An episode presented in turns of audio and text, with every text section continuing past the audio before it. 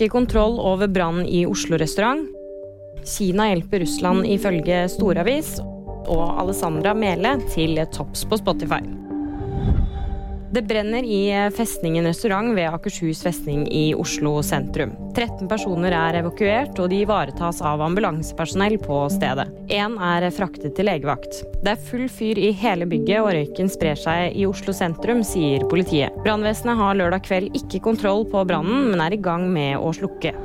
Den amerikanske avisen The Wall Street Journal melder at Kina hjelper Russland i krigen i Ukraina. Det skal dreie seg om at Kina utruster Russlands jagerfly, ubåter og soldater, skriver avisen. Dette skal vises gjennom data fra handel mellom landene.